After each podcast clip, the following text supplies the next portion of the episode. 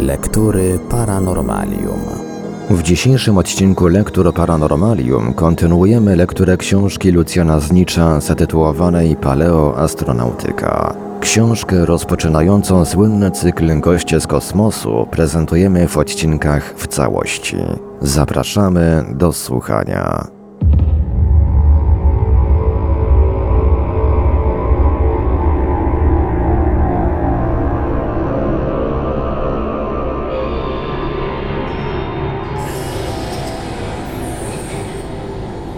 Gdy koło sterowe było idolem.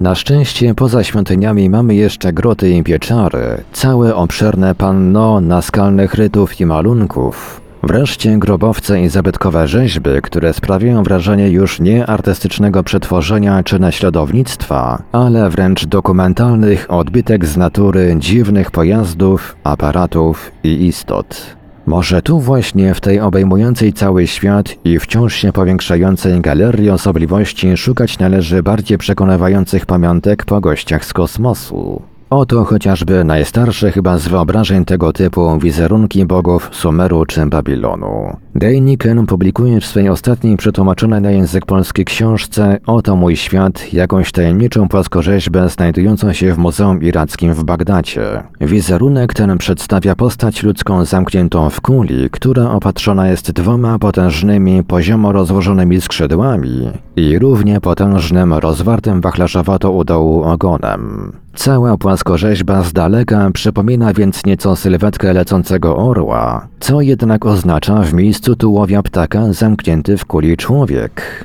Czy to nie on właśnie jest centralnym punktem całej płaskorzeźby, zaś ptasie skrzydła i ogon mają tylko symbolizować, że kula leci?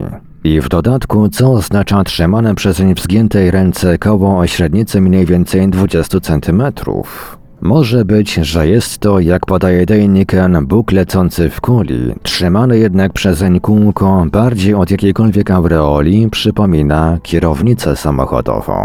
Inne znalezisko z tego obszaru wymienia znów radziecki zwolennik wizyty kosmitów Kazancew.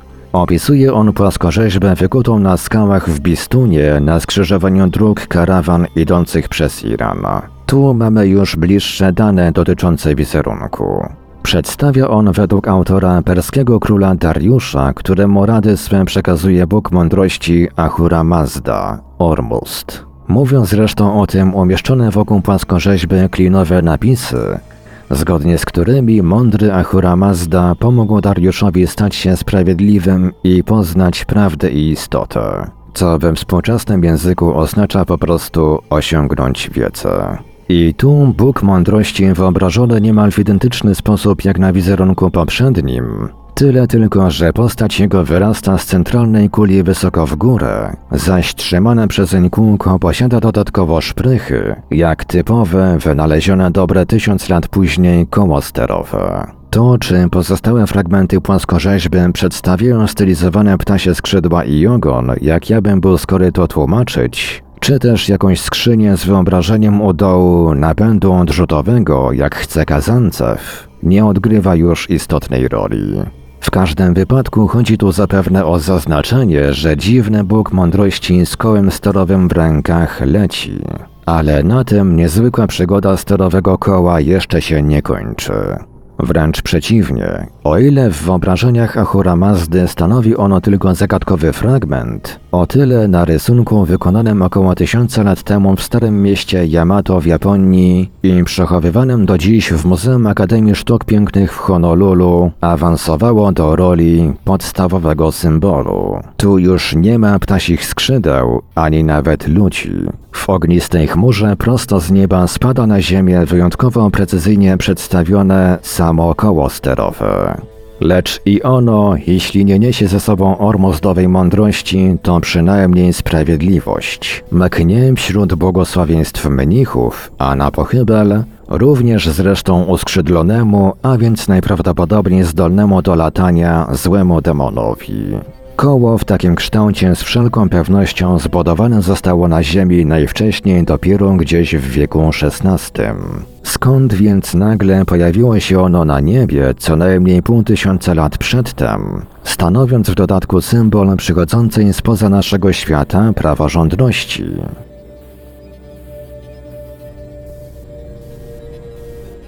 Nitowane symbole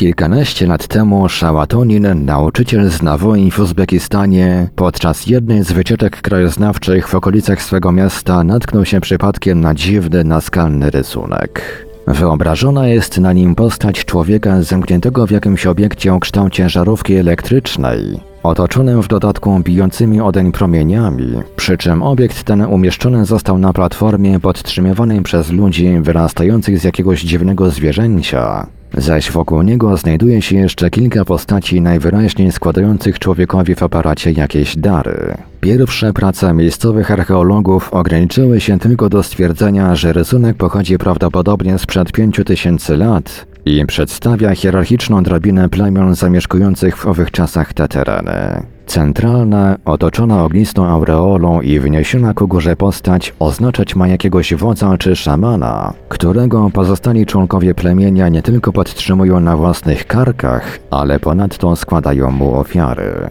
Kazancew jednak, który ponownie przypadkiem natknął się na ten rysunek, tym razem już nie na skałach Nawoi, tylko w archiwach archeologicznych, znalazł jeszcze inne, co najmniej równie prawdopodobne jego wyjaśnienie. Cała ta żarówko-podobna aureola jest po prostu aparatem kosmicznym, wewnątrz którego znajduje się jeden z pilotów. Pozostała część załogi, czterech mężczyzn znajdujących się poza obiektem, zaopatrzona jest w dziwne przyrządy na twarzy, przypominające pochłaniacze masek gazowych. Rzecz charakterystyczna, że jedyna przedstawiona na tym rysunku kobieta maski takiej nie posiada. Dla wyrażenia blasku bijącego od aparatu nieznany rysownik otoczył jego górną część promieniami, aby zaś przedstawić potworną siłę, która pozwala mu się unieść z ziemi, pod obiektem umieścił jakieś symboliczne potworne zwierzę, z wnętrza którego dwie postacie ludzkie jak kariatydy unoszą platformę z całą rakietą ku górze.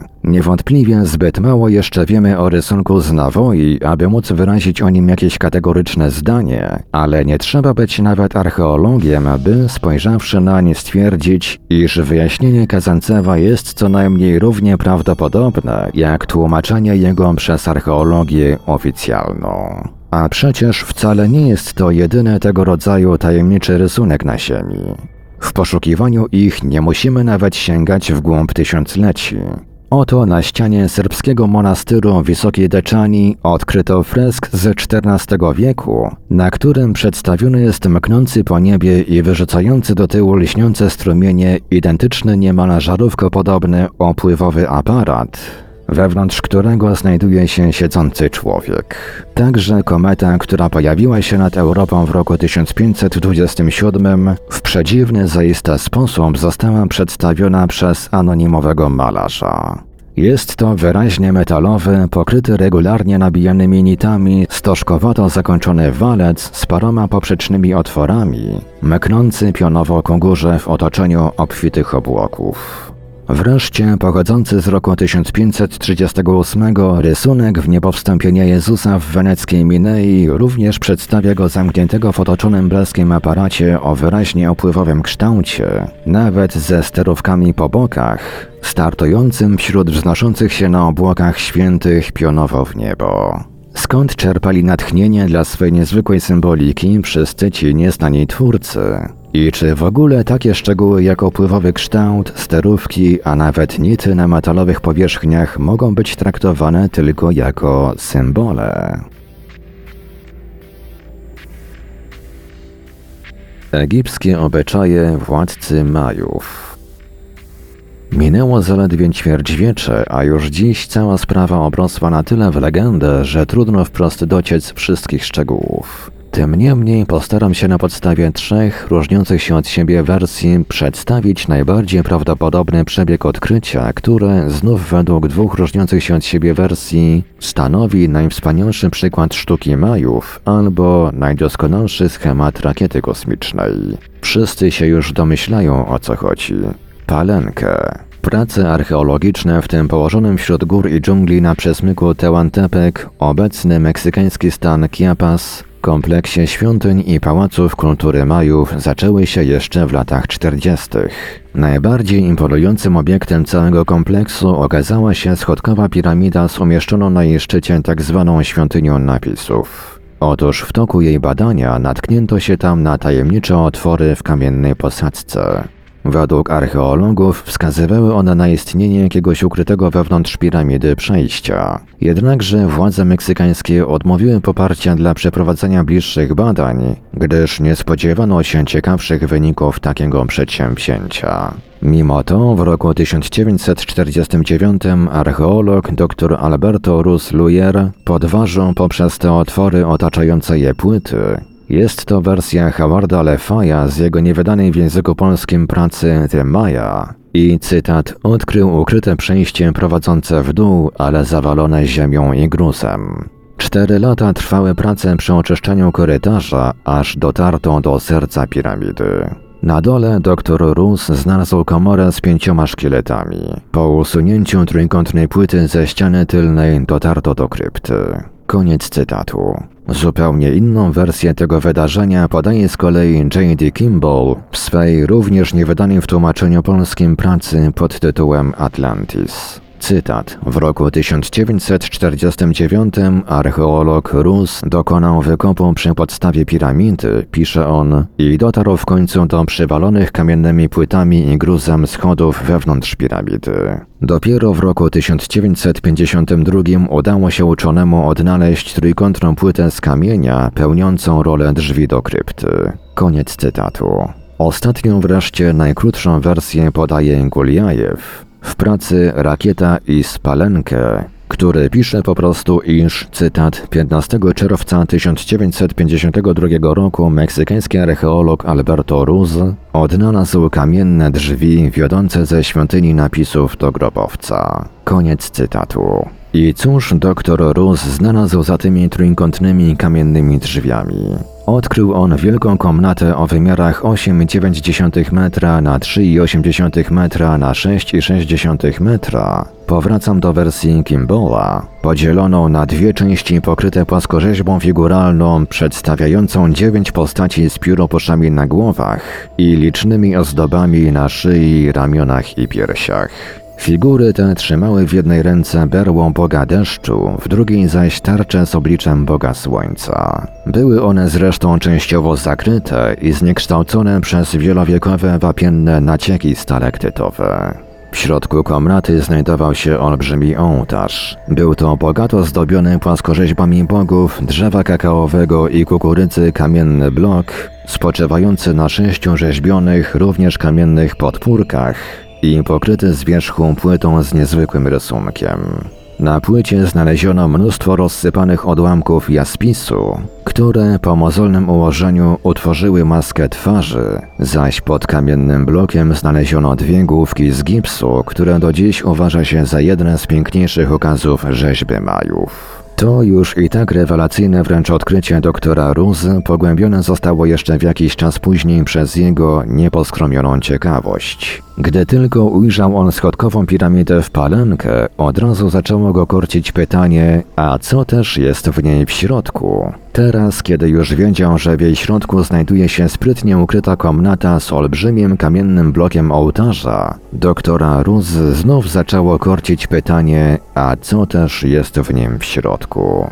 Tylko tym można wytłumaczyć fakt, iż meksykański archeolog zdecydował się w końcu wywiercić otwór w płycie ołtarza. I wówczas ujawniła się następna rewelacja. Świder po chwili zapadł w pustą przestrzeń, a gdy go wyciągnięto, okazało się, że jest pokryty cynobrem.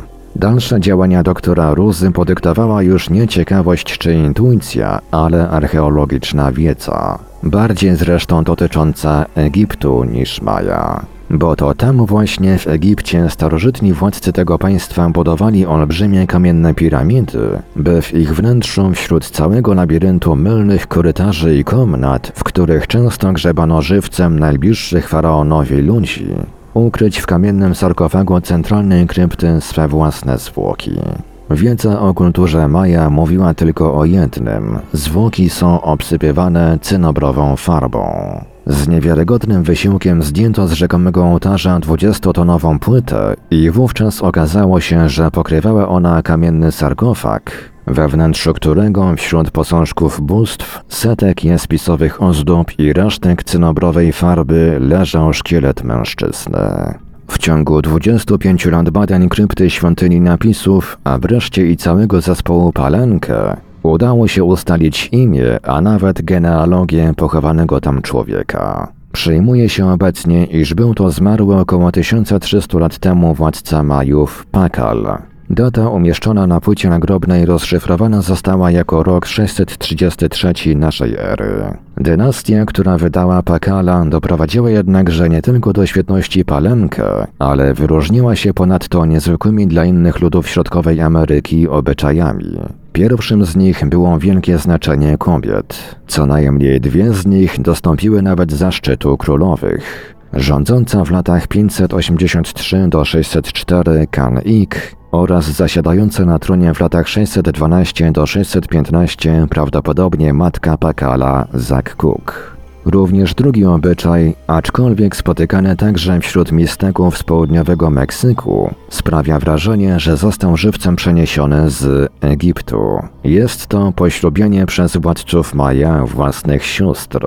Także Pakal, według przypuszczeń archeologa brytyjskiego pani Mel Robertson, był małżonkiem swojej rodzonej siostry Achpochella. Kto wie, czy nie tym uprawomocnionym kazirodztwem tłumaczyć należy pewne zwyrodnienie palców nóg, które u Pakala zostało wykryte. Pozostawmy jednak władcę Majów, który przez 1300 lat z powodzeniem ukrywa swoje tajemnice w czeluści kamiennej krypty w spokoju. Zakryjmy ponownie sarkofag niesamowicie ciężką płytą, bo choć wszystkie odkrycia doktora Ruz doprowadziły do niepokojących zaiste analogii między starożytnym Egiptem a kulturą Maja, nie z tego powodu Palenkę stało się sławne na cały świat. Tylko właśnie z powodu tej dwudziestotonowej wapiennej płyty.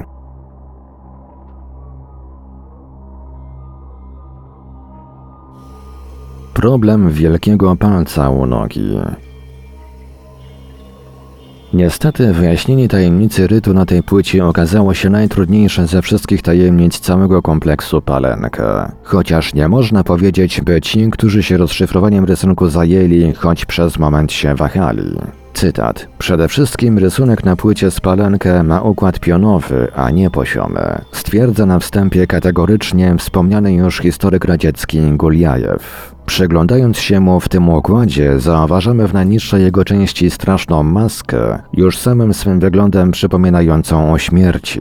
Pozbawione tkanek i mięśni szczęki i nos, ogromne, puste oczodoły z wzorkami w kształcie sierpa w środku, tak zwane oko Boga i obnażone kły. Głowę tej maski wieńczą cztery rysunki, z których dwa w kulturze Maja są symbolami śmierci, muszla i znak przypominający symbol procenta. Dwa dalsze natomiast kojarzą się z narodzinami i życiem, ziarno kukurydzy i coś, co przypomina jej kiełek, bądź też jakiś kwiat. Na głowie tego potwora siedzi wyraźnie odgięty do tyłu piękny młodzian ze wspaniałym nakryciem głowy i z mnóstwem nefrytowych ozdób. Wbrew pozorom nie jest on ubrany w spodnie w kratkę i kurtkę ze ściągaczami w pasie i na mankietach, ponieważ strojów takich Majowie nie znali. Ma na sobie natomiast tylko biodrową opaskę, zaś pozostałe części ciała, ręce i nogi są nagie.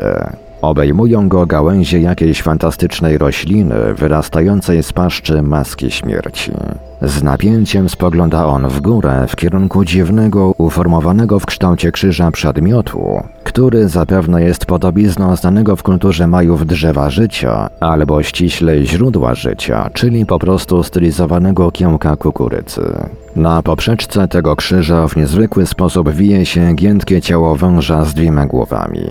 Z paszcz tych głów wysuwają się jakieś maleńkie i śmieszne ludziki w maskach Boga deszczu. Symbolika ta jest zgodna z religią Majów, u których wąż jest związany zawsze z niebem i pochodzącą stamtąd wodą, deszczem.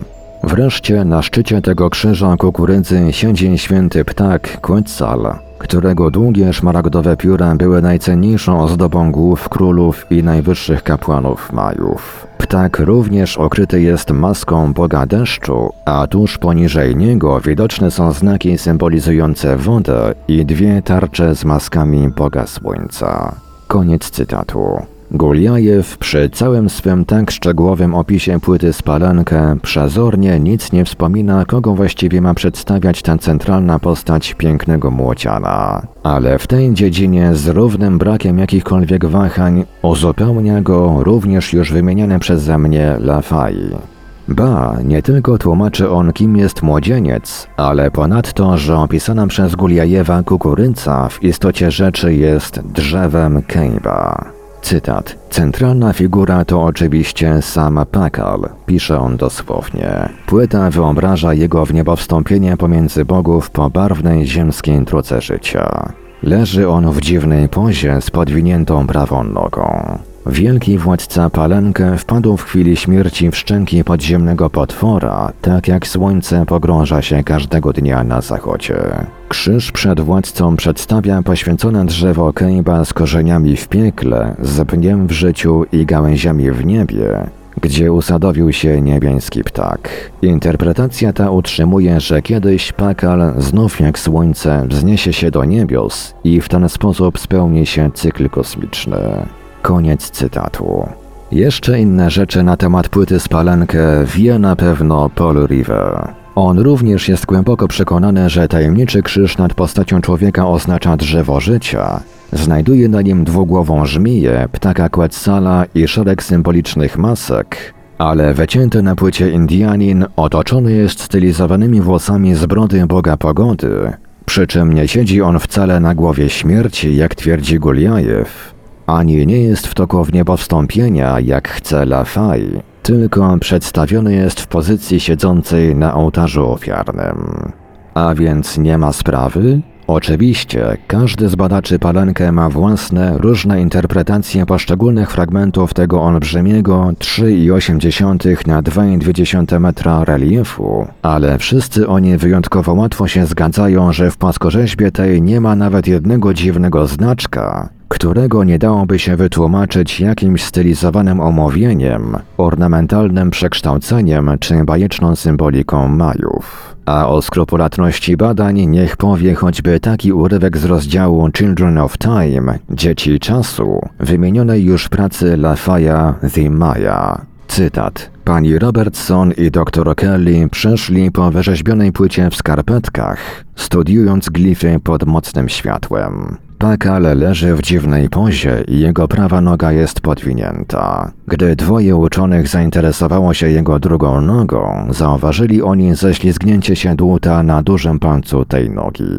Po zakończeniu badań dr Kelly nagle krzyknął: Nie, to nie jest pomyłka. To uszkodzenie palca jest wadą wrodzoną. Ja mam to samo. Po czym zdjął skarpetkę i porównał swój palec z palcem Pakala. Obaj posiadali identyczne zniekształcenia. Rzeźbiarz nie popełnił błędu. Jest to znakomite świadectwo identyczności sztuki Majów. Koniec cytatu.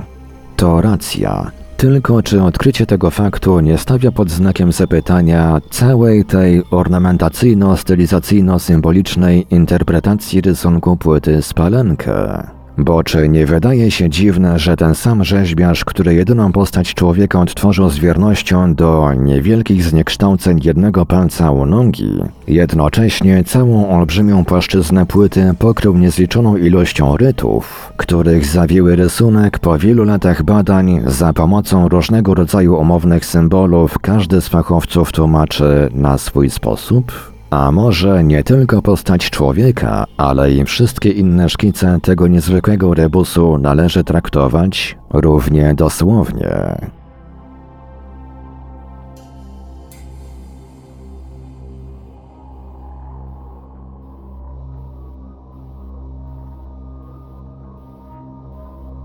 W Radiu Paranormalium zaprezentowaliśmy fragment książki Lucjana Znicza Paleoastronautyka. Dalszy ciąg w kolejnym odcinku Lektur Paranormalium. Archiwalne odcinki Lektur Paranormalium znajdziesz do pobrania w archiwum naszego radia na stronie www.paranormalium.pl.